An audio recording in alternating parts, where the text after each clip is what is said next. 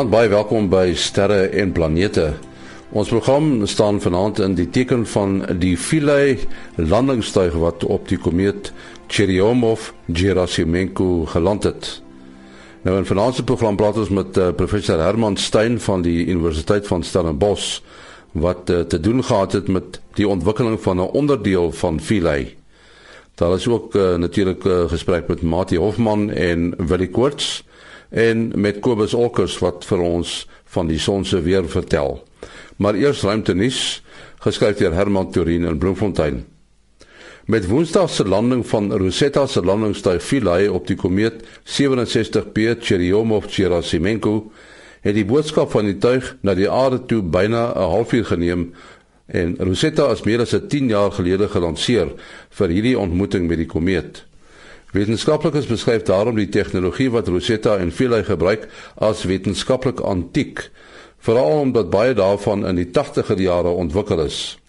Dit moes nogtans 'n futuristiese reis aflê met baie ingewikkelde manoeuvres om saam die komeet suksesvol in die ruimte te kon ontmoet.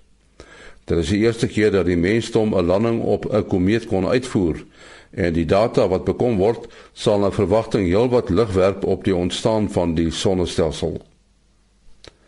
Drie tye wat om Mars wentel het belangrike data ingesamel oor die impak wat die komeet Siding Spring op Mars se atmosfeer gehad het. Die tuig Maven wat spesifiek gelanseer is om Mars se atmosfeer te bestudeer, het intense ultravioletstraling bemerk toe yster en magnesiumdeeltjies van die komeet met die atmosfeer gereageer het. Dit was meer intens as selfs die grootste meteoreën op aarde. Maven kon ook monsters neem van die partikels self en dit bestaan uit ione van verskillende metale. Ook NASA se tuig Mars Reconnaissance Orbiter en die Europese Ruimteagentskap se Mars Express het besondere waarnemings gedoen oor die tydelike toevoeging van groot hoeveelhede ione in Mars se ionosfeer. Tot sover ruimtenis wat geskryf is deur Herman Torin in Bloemfontein.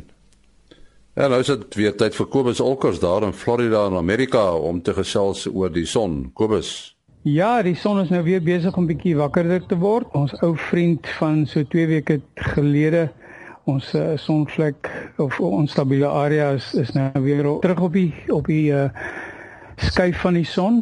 Hy draai so van die linkerkant af weer oor na regs toe. Ons het al klaar 'n fakkel of twee van hom af gekry en dit lyk asof hy maar dit lyk nie asof hy regtig op hierdie stadium die onstabiliteit het om X-klas fakkels te veroorsaak nie. Dan het ons 'n 'n koronagaatjie in die noordelike halfrond van die son wat besig is om geo-effektief te raak. Sy die die ejector van daardie van daardie gaatjie af sal so teen môre se koers by die aarde aankom en dit gaan vir ons effens versteurings gee in langafstandverbindings en dis soort van goed maar ons gaan nie veel verder van hom af voel nie. Dan het ons so twee of drie filamentjies wat ook nie te groot is nie uh verder redelik stil op die son. Kobus jou besonderhede? Dis Kobus Olkers by gmail.com K O B U S O L C K E R S by gmail.com. Ons sê dankie aan Kobus Olkers in Florida, Amerika. Professor Herman Stein is uh, hoof van die uh, departement satellietstelsels en uh, ook die afdeling rekenaar en beheerstelsel ingenieurswese aan die Universiteit van Stellenbosch. Nou die rede waarom ons met hom gesels is dat uh, die departement uh, het uh, deel gehad aan die suksesvolle landing van die Philae uh, landingstuig wat van die Rosetta op die komeet uh, Churyumov-Gerasimenko uh, geland het.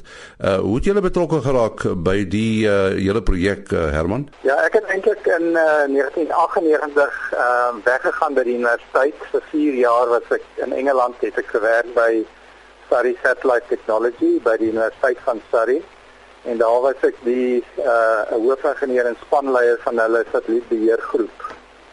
En uh ons is toe daar genade deur die DLR Deutsche Luft- und Raumfahrt om 'n uh, uh, momentumwiel vir die landingstuig te ontwerp. Uh so dit was nie eintlik toe ek op Stellenbosch gewerk het nie, dit was toe ek in Engeland gewerk het wat ek betrokke geraak het by die projek. So jy het die projek eintlik saamgebring Stellenbosch toe. Ja, die die uh, uh die feit dat ek daarop gewerk het, het ek saamgebring, maar ons het ons het hierso uh nie self daarop gewerk nie want toe ek weg is by SSTL einde 2001 het ons al die momentum wiel afgelewer aan DLR vir 'n integrasie op die satelliet uh vir landingsstasie wanneer die satelliet is gelanseer sou eers gelanseer geword het in 2002 en toe is hy uiteindelik in 2004 gelanseer by die eerste keer ehm um, se landing het ek uh, gemis omdat die uh, vierpyl nie reg was vir die lansering nie. Het hulle 'n ander komeet gekies en die lansering het toe gebeur in 2004. Uh, Miskien moet jy nou eers vertel wat presies is 'n momentum wiel?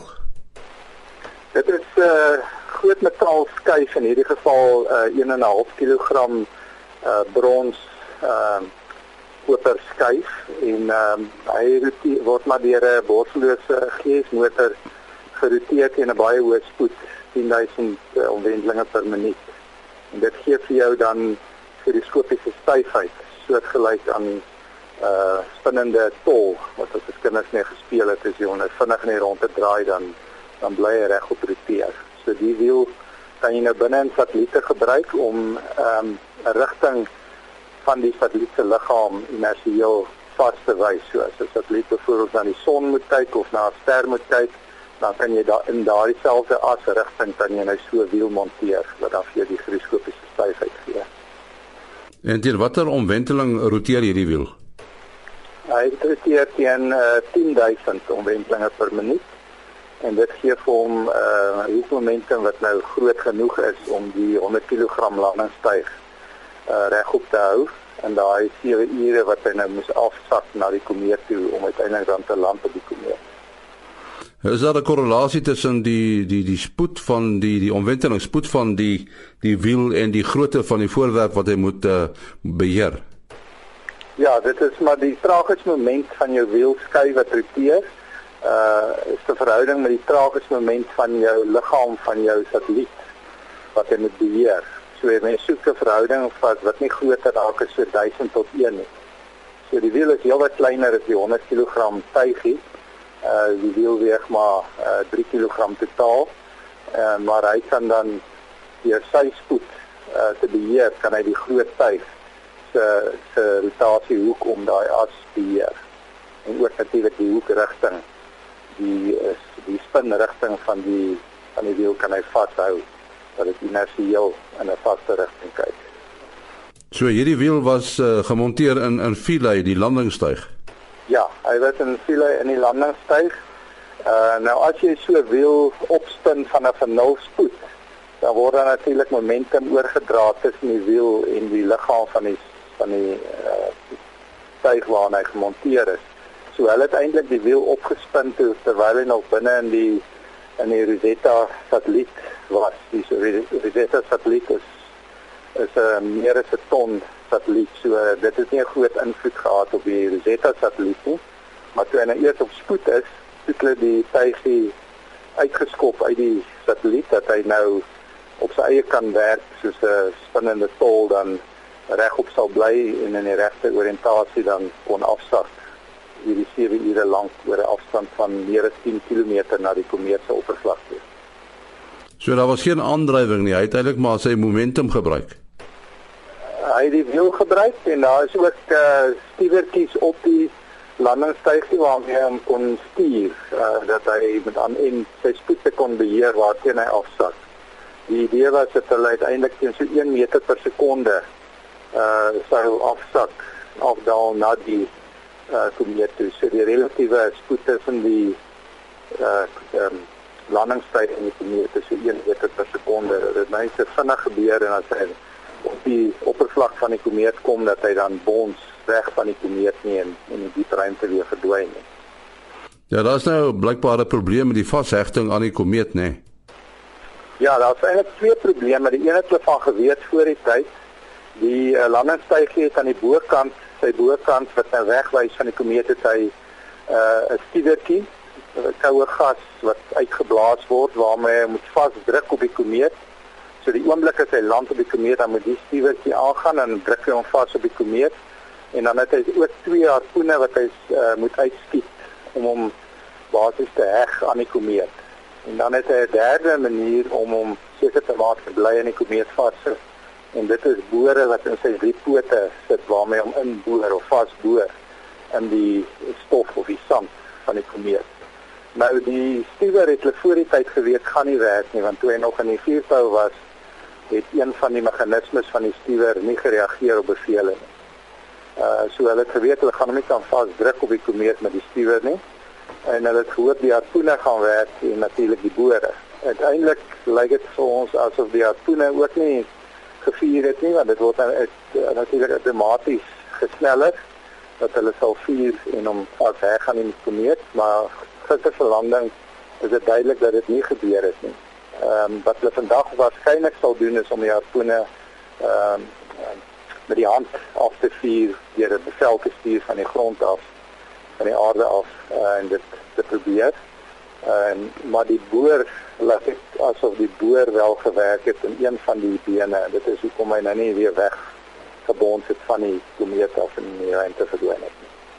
So op 'n manier is hy tog vas aan die komeet.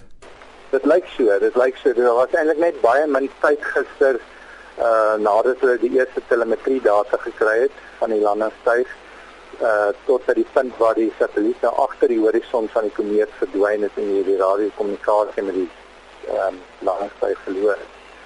Wat hulle vandag nou gaan doen uh wanneer hulle weer kommunikasie het is waarskynlik om dan te probeer om die hartbevier en om uh, deeglik vas te hê aan die komeet. As jy eers eenmal sit op die komeet soos hy nou sit, uh dink ek nie gaan hy gaan hy maklik weg gaan van die oppervlak van die komeet nie, maar mens moet weet soos hy nader kom aan die son, maak die son nou die materiaal van die komeet uh warm en dan kry jy wat hulle noem outgassing uh uit ek weet wat presies op die kans daarvoor nie, uitgassing.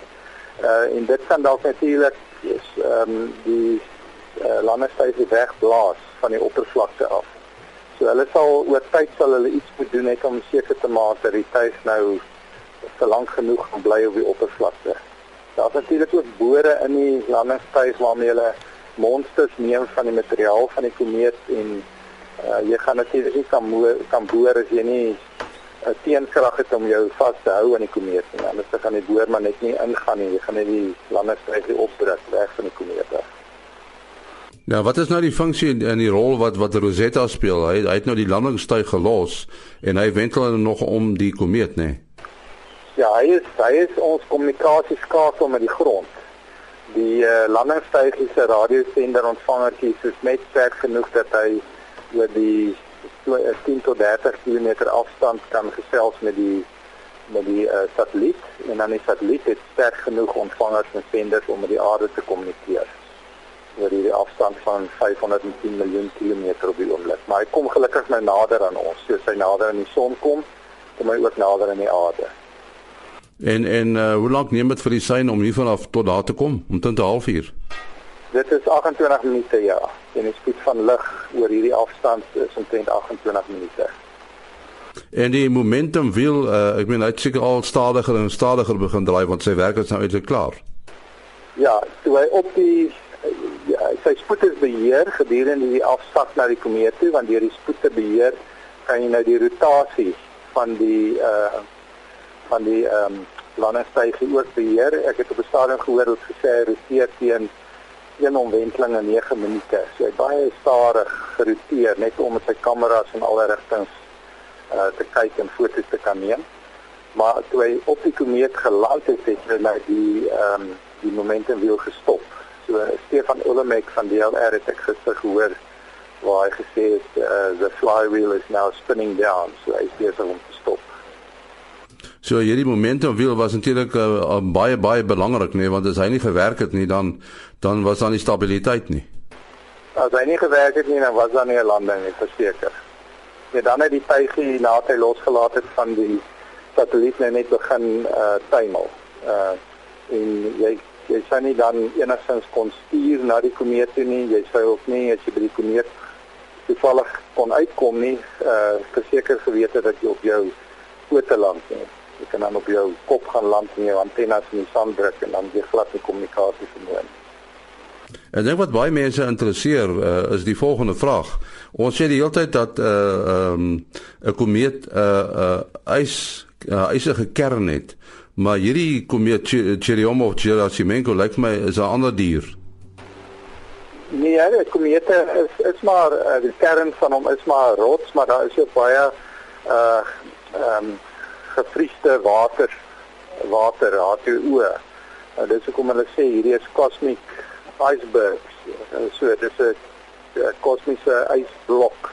Maar dit is maar stof, sand, ys uh, op die oppervlakte uh, waarskynlik, maar die kern van die komeet, hoe dieper jy nou sal gaan, gaan jy waarskynlik ehm uh, rotsmateriaal kry. Meer vaste materiaal kry wat dan nie sal smelt nie. Maar die die buitenste laag van 'n komeet is definitief ehm uh, waterys met gemeng met uh, met stof. Sodat wanneer dit is wat na die sterk van die komeet veroorsaak vir duisende kilometers agter die komeet soos hy nader kom aan die son, ehm um, word smelt hierdie van hierdie water uh, nou en dan dit veroorsaak dan hierdie uh stof sterk aan die agterkant. So so hierdie uh, fila het hom eintlik vasgeheg aan 'n blok ys. Waar hy geland het is waarskynlik maar gevriesde stof, ja, waar hy waaraan hy hom nou moet vasheg. En uh, dit, dit is wat dit ook nou moeilik maak om te verseker al het jy nou harpoene ingeskiet of boore ingedraai soos jy nader kom aan die son gaan daardie laag van die boonste laag van sy uh oppervlakte gaan waarskynlik smelt en en en uh en weg verdwyn in die diepe ruimte. So dit kan wees dat die Philae dan nou saam met hom los sal loskom van die komeet. Ek is nou nie eintlik 'n kenner van daai veld nie, maar dit is wat wat dit soos dit my nou lyk as ek as ek lees vir die ander mense skryf daaroor. Ja, mes uh, moet jy nou seker vra toe daardie tuig land op die komeet, uh, hoe het jy gevoel in jou binneste? Ek was baie verlig. Ek is uh, ek het hierso opgehou op my skerm, rekenaarskerm die lewende gevoer vanaf hulle grondstasie. En uh net so daardie ouens na hulle skerms gekyk in afwagting en stip gestaar het, het ek ook maar stip gestaar en tot die een eerste persoon nou 'n uh, indikasie gegee dat hulle nou telemetrie sein gekry het wat sê die landingstyd is op die komeet en toe was dit maar groot verligting. Ehm um, ek het ek het regtig saam met daai mense baie verlig gevoel gevoel. Ons sê baie dankie aan professor Herman Stein van die Universiteit van Stellenbosch. En nou sluit ons aan by ons gewone span. Uh, dit is professor Mati Hofman van die Universiteit van die Vrystaat, die Digitale Planetarium en die Boden Sterrewag en Willie Koorts van die SAAO. Nou ja, seker onnodig om te vra, Mati, jy het seker die, die landing dopgehou. Wat is jou indrukke? Ja, dit was groot opwinding. Ons was sommer so 'n groepie van die eh, astronomie vereniging uh, hierso in Bloemfontein wat ons komitee vergadering gehad het. So dit het nou gelukkig so uitgekom dat ons sommer saam in die opwinding en die spanning uh kon deel. Uh ons het nou geluister hoe prof Herman Steyn nou ook vertel van die van die spanning en mens het nou maar gesien hierdie span daar in die beheerkamer kyk elke nou en dan op hulle rekenaarskerms maar mens weet nie wat hulle sien nie en uh mense is maar bekommerd geraak uh, as wat so met hulle vingers oënskynlik bekommerd na die rekenaarskerms gewys het maar op 'n stadium het die hele uh atmosfeer verander en kom jy sou duidelik sien hulle is baie bly en dit is toe hulle nou die eerste telemetrie data ontvang het.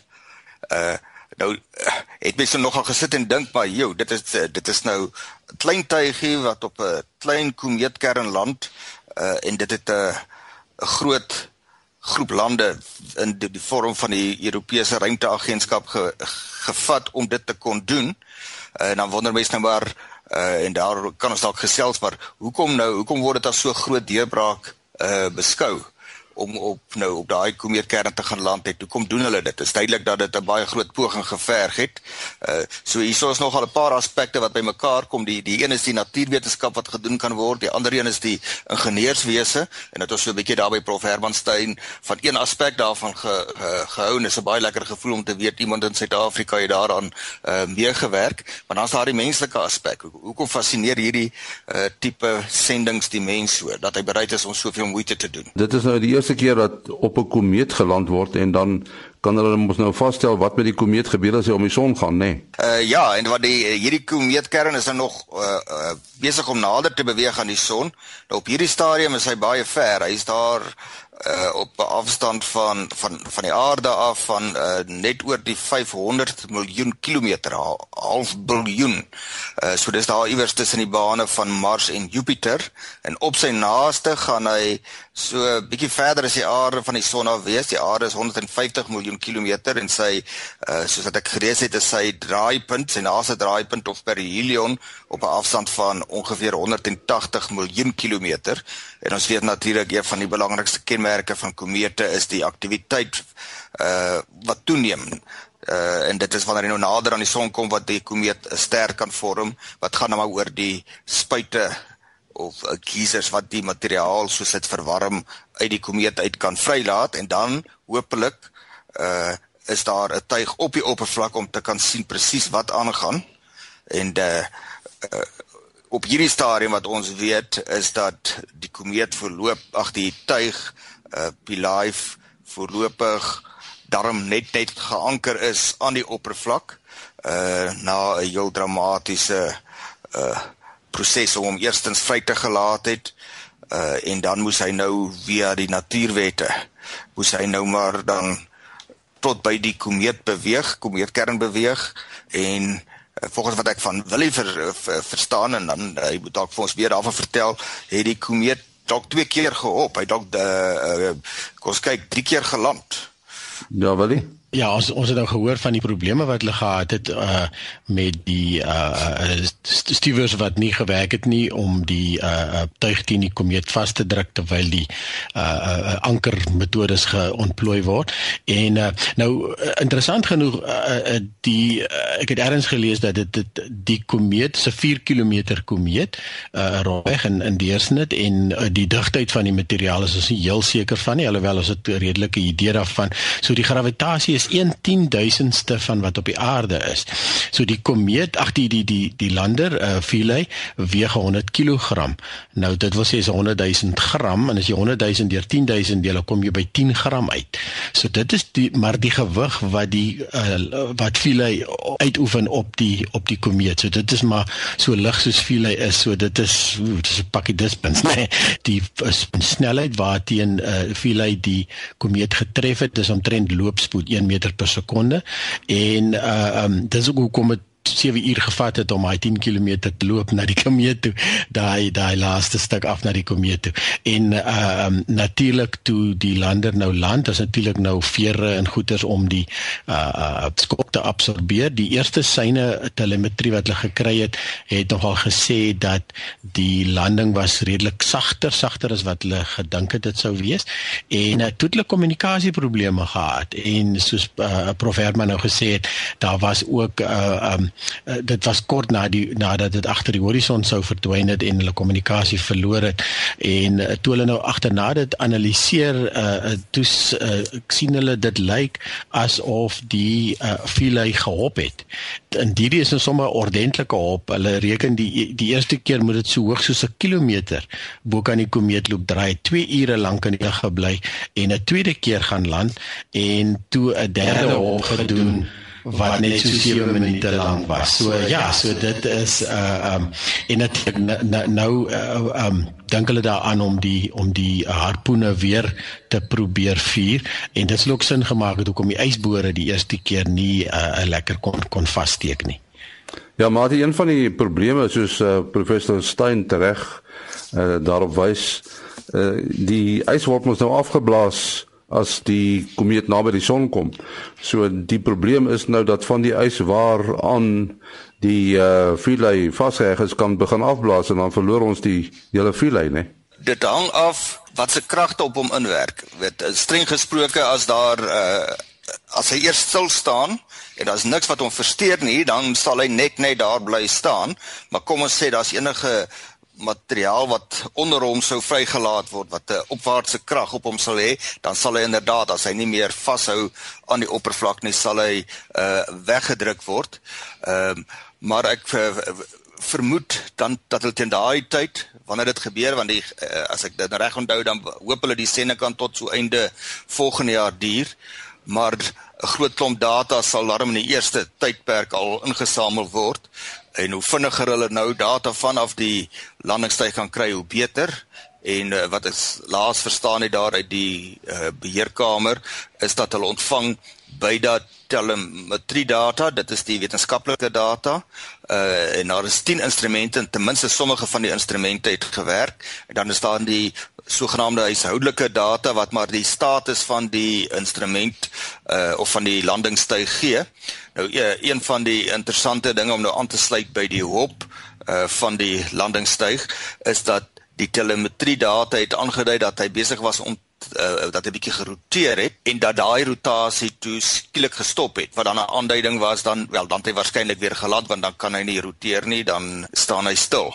Maar in totaal het dit ongeveer vanaf die eerste die vanaf hy die eerste keer kontak gemaak het tot hy heeltemal tot stilstand gekom het kan in die omgewing van 2 ure uh gewees het. En nou wel, uh dinge kan nou vinnig verander. So ons werk nou maar op die nuutste data wat ons uh kry. Ons het ook uh, verstaan dat daar's baie redes wat hierdie sending so moeilik maak. Uh mens moet gedagte hou vandat jy 'n versoek vir data of 'n instruksie aan die tuig sou gee tot hy dit ontvang is ongeveer 'n halfuur en op die vroegste ongeveer 'n uur later kan jy weet of dit bevredigend verloop het. En uh boonbehalwe dit is daar nie altyd uh kontak kommunikasie kontak met die landingstuig nie omdat die uh moedertuig te Rosetta moet om die komeet uh bly wentel. Uh so partykeer is hy aan die verkeerde kant. Uh so dit is van die aangeleenthede wat die uh sending bemoeilik. Ja, kyk die die komeet self roteer natuurlik ook en dit dit is amper die grootste uh rotasie en eintlik vlieg Rosetta net saam.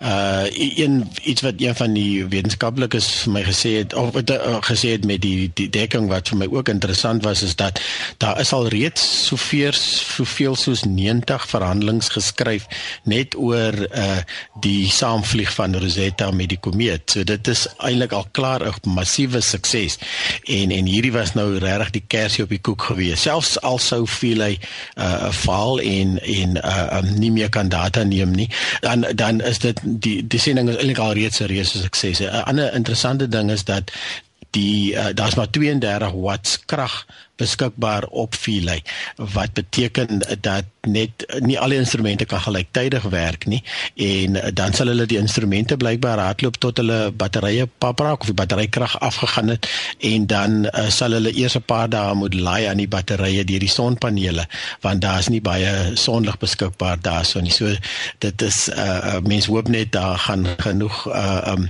tyd wees om al die hierdie eksperimente te doen maar uh, ek meen as jy net kyk hoe goed hulle hulle huiswerk gedoen het op hierdie stadium dan uh, wens ons hulle alle alle sukses toe.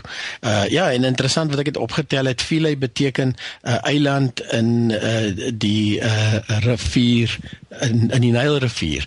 So uh, ons het nou hierdie hierdie klein eilandjie daar op die komeet wat nou wat nou Philae is, ja. Ja, ons gaan nou afsluit met 'n uh, besondere klank.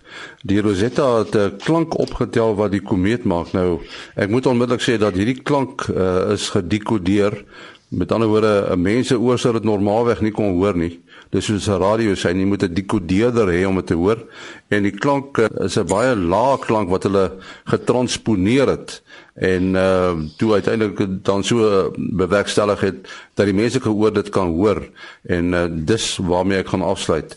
Uh luister net na hierdie klank wat gemaak word deur die komeet Churyumov-Gerasimenko.